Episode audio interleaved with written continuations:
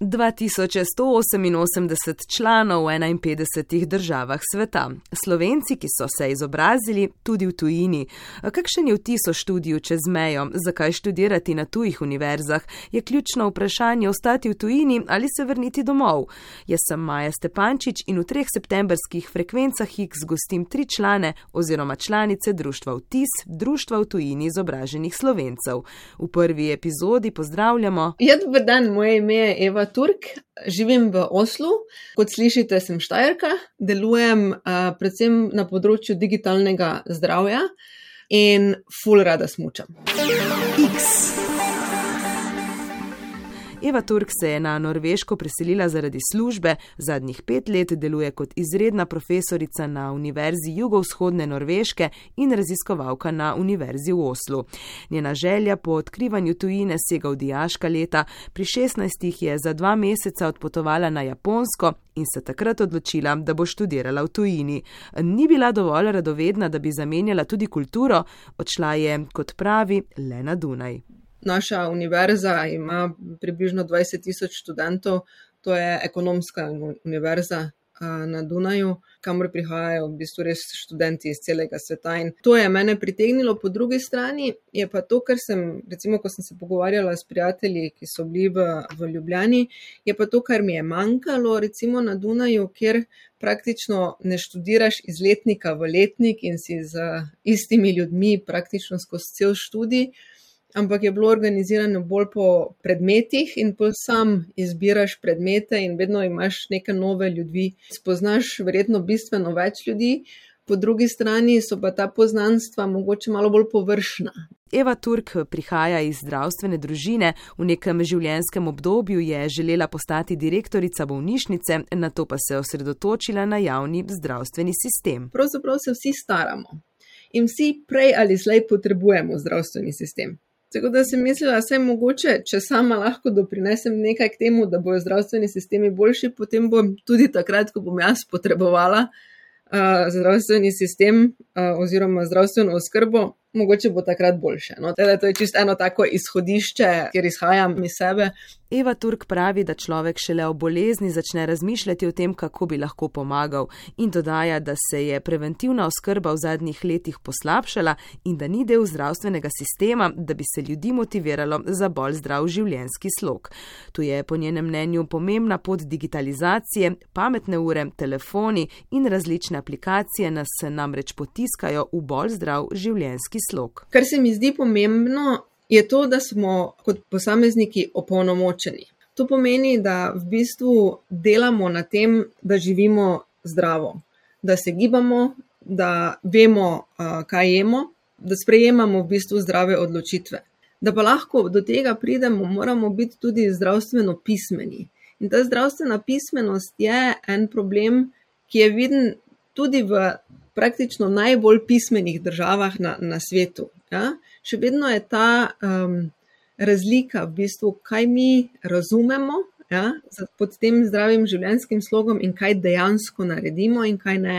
In tukaj je ta digitalizacija uh, in digitalno zdravje, ki nam lahko pripelje nove rešitve, ki nam dejansko pomagajo do uh, sprejemanja nekih pametnejših, bolj zdravih odločitev. Odnegda jo zanima dobrobit pacijenta. Še med študijem je Eva Turk izkoristila priložnost pripravništva v Barceloni, kjer je delala pri Svetovni zdravstveni organizaciji. Tam je sodelovala tudi v dvostranskem projektu s Slovenijo. Razmišljala je, da bi s svojim znanjem prinesla v državo nov pristop. Nekaj let je sodelovala z današnjim Nacionalnim inštitutom za javno zdravje, a jo je tujina kmalo spet zamikala.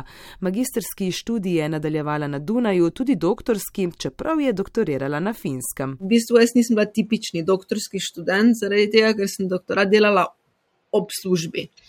Tako da sem uh, v bistvu na, na finskem takrat spoznala uh, profesorico, ki me je povabila, da bi prišla kot mednarodni študent uh, tja.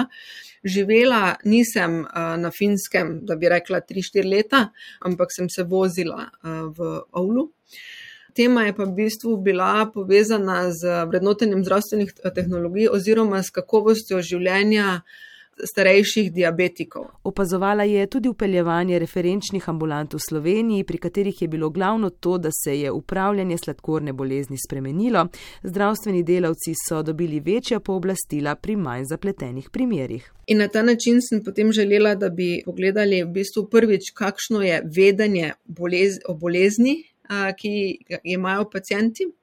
Druga stvar pa, da, da vidimo, kakšna je kakovost življenja danes, to je bilo pač pred desetimi leti, in pa kako se bo spremenila s tem, ko se referenčne ambulante uveljavljajo v, v Sloveniji. Nažalost, lani smo naredili novo študijo vezano na vedenje pacijentov z diabetesom in se je pokazalo, da ljudje danes vedo manj oziroma enako oziroma manj, kot so, kot so vedeli pred desetimi leti. In to je povezano vse s tem, kar smo govorili, vezano na zdravstveno pismenost, na, na v bistvu upravljanje z boleznijo. Vsaj kar se tiče vedenja o bolezni, referenčne ambulante nažalost niso doprinesle dosti. Eva Turk sicer ne deluje tako usmerjeno, a vendar za opolnomočenje pacijentov. Eden takšnih je mednarodni projekt Gravitate Health, pri katerem sodeluje 40 partnerjev iz Evrope in Združenih držav, nastal pa je z željo pacijentu dostaviti njemu prilagojene informacije o zdravilu. Ki izhajajo iz zaupanja vrednih virov, se pravi, v, v Sloveniji je to javna agencija za, za zdravila, na evropskem področju je to Evropska agencija eh, za zdravila. In eh, potem želimo doseči to, da kot človek, eh, ko dobi zdravilo, ja, se veste, kako je v, v škatlici, je ponavadi tisti papirček, ki se odpre in je zelo z malim tiskom uh, napisano o uh, neželenih učinkih in, in podobno. To so zelo pomembne informacije, ki pa so um, podane na, na zelo neprijeten način.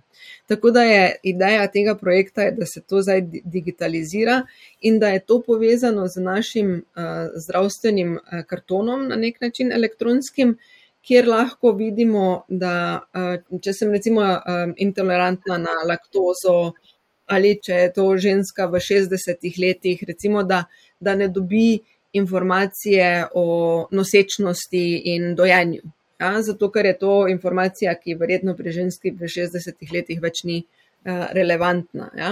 Bolnik dobi informacijo, ki je zanj pomembna. Kako pa je s tem v praksi? Govorimo o digitalizaciji, istočasno je pa populacija, ki v bistvu potrebuje to najbolj, uh, so uh, stari, stari ljudje, če lahko tako rečem. Ne. Moram to pripomniti, da današnji starejši, ja, če gledamo nad 65 let, so, so že v bistvu kar dobro digitalno uh, pismeni in nove generacije, ki prihajajo, bo to verjetno vedno, vedno lažje. Zdaj pripravljajo prvi prototip, pri katerem so pacijenti vključeni v celoten razvoj. Bodo pa seveda ostala obvestila o zdravilih tudi v papirnati različici, to so šele prve diskusije, pravi Eva Turk. Do povezav različnih vsebin tako zdravstvenega kartona kot informacij o zdravilih in informacij, ki jih imajo s svojim splošnim zdravnikom, bo preteklo še nekaj časa. X. Eva Turk ni dejavna samo pri projektu Gravitate Health, pred kratkim je ustanovila fundacijo Sanastra s ciljem ustvariti nabor videozgod bolnikov.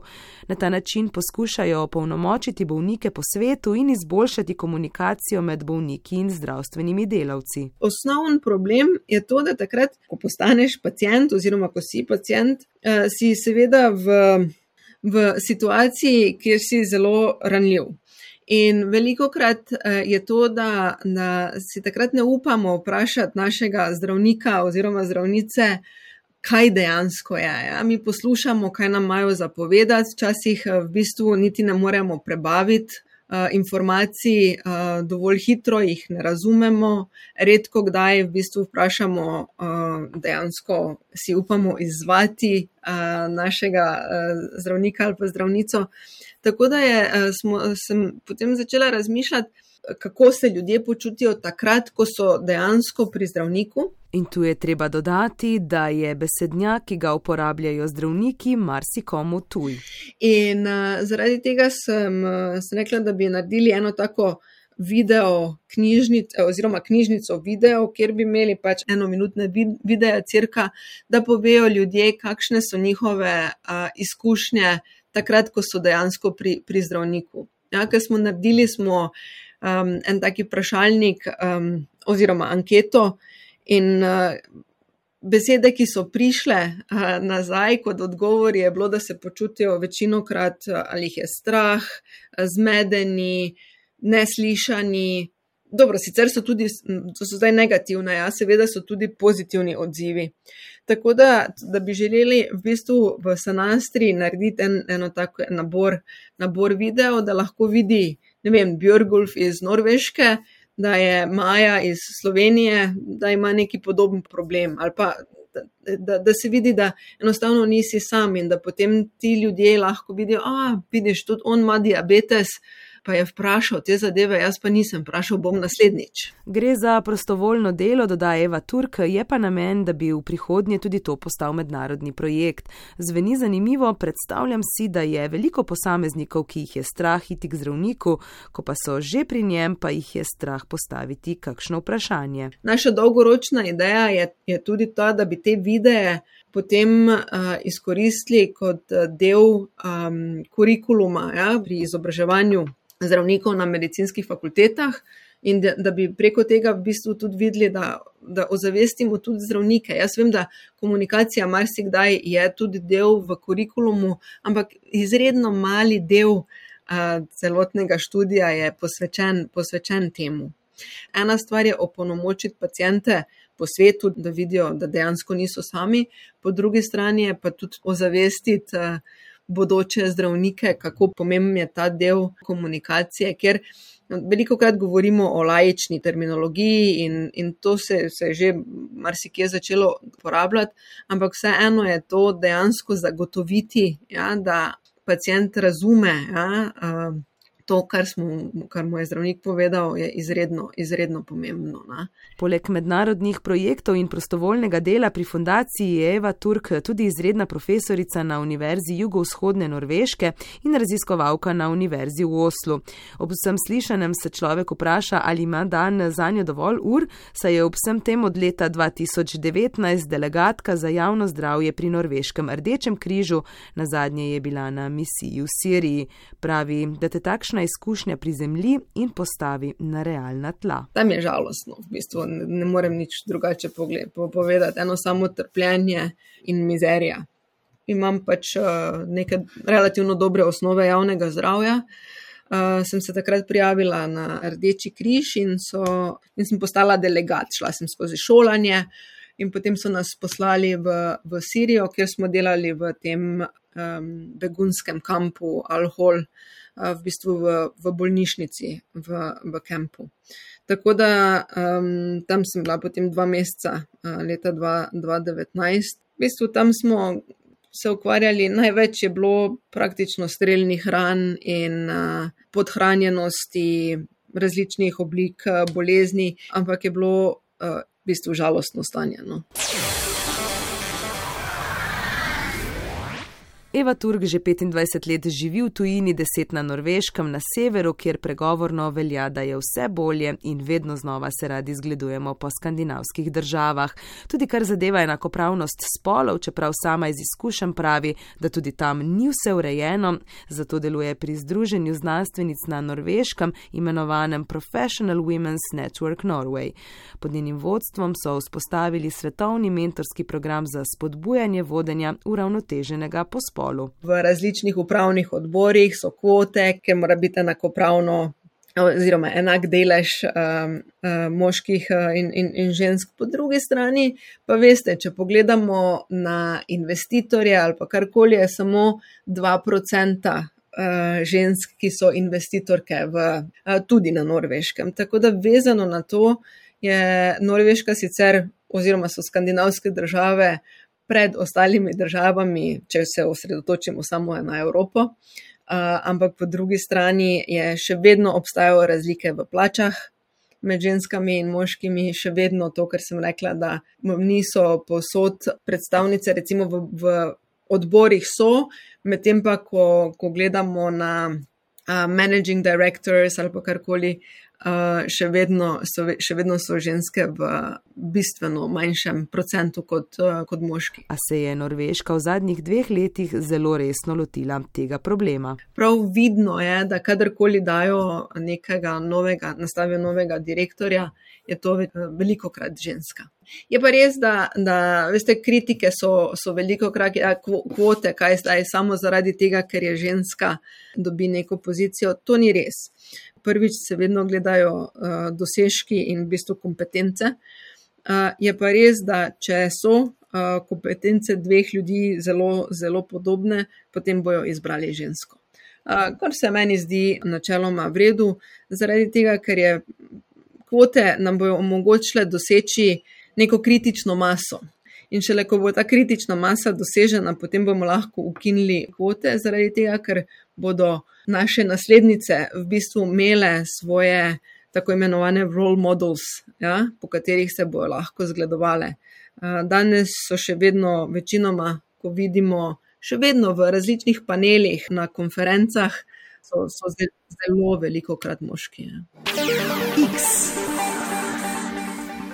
Eva Turki je bila prva gostja frekvence X, v kateri septembra gostimo člane društva Vtis. Tujina je pisana na kožo, o vrnitvi domov zaenkrat tako ne razmišlja. Njeni dnevi so polni izzivov, brez katerih pa si sama tako ali drugače ne predstavlja svojega poslanstva. Za konec imamo tako še en izziv, tri istočnice, trije odgovori. Največji vtis na njo je naredila Mišel Obama ni bila samo partnerka predsednika, ampak da je dejansko postavila program mentorstev, program, v bistvu na, na kak način se ljudje iz bolj ranljivih skupin lahko začnejo uveljavljati v družbi. Če bi lahko bi? Bila kadarkoli, kjerkoli, s komerkoli si želim. Prihodnost bo? Svetla. To je bila Eva Turk, izredna profesorica na Univerzi jugovzhodne Norveške in raziskovalka na Univerzi v Oslu, ki že deset let živi na Norveškem, več kot 25 let pa v tujini. Prihodnji teden spoznamo Aido Lotrič, študentko magistrskega študija ladijskega inženirstva na Finskem.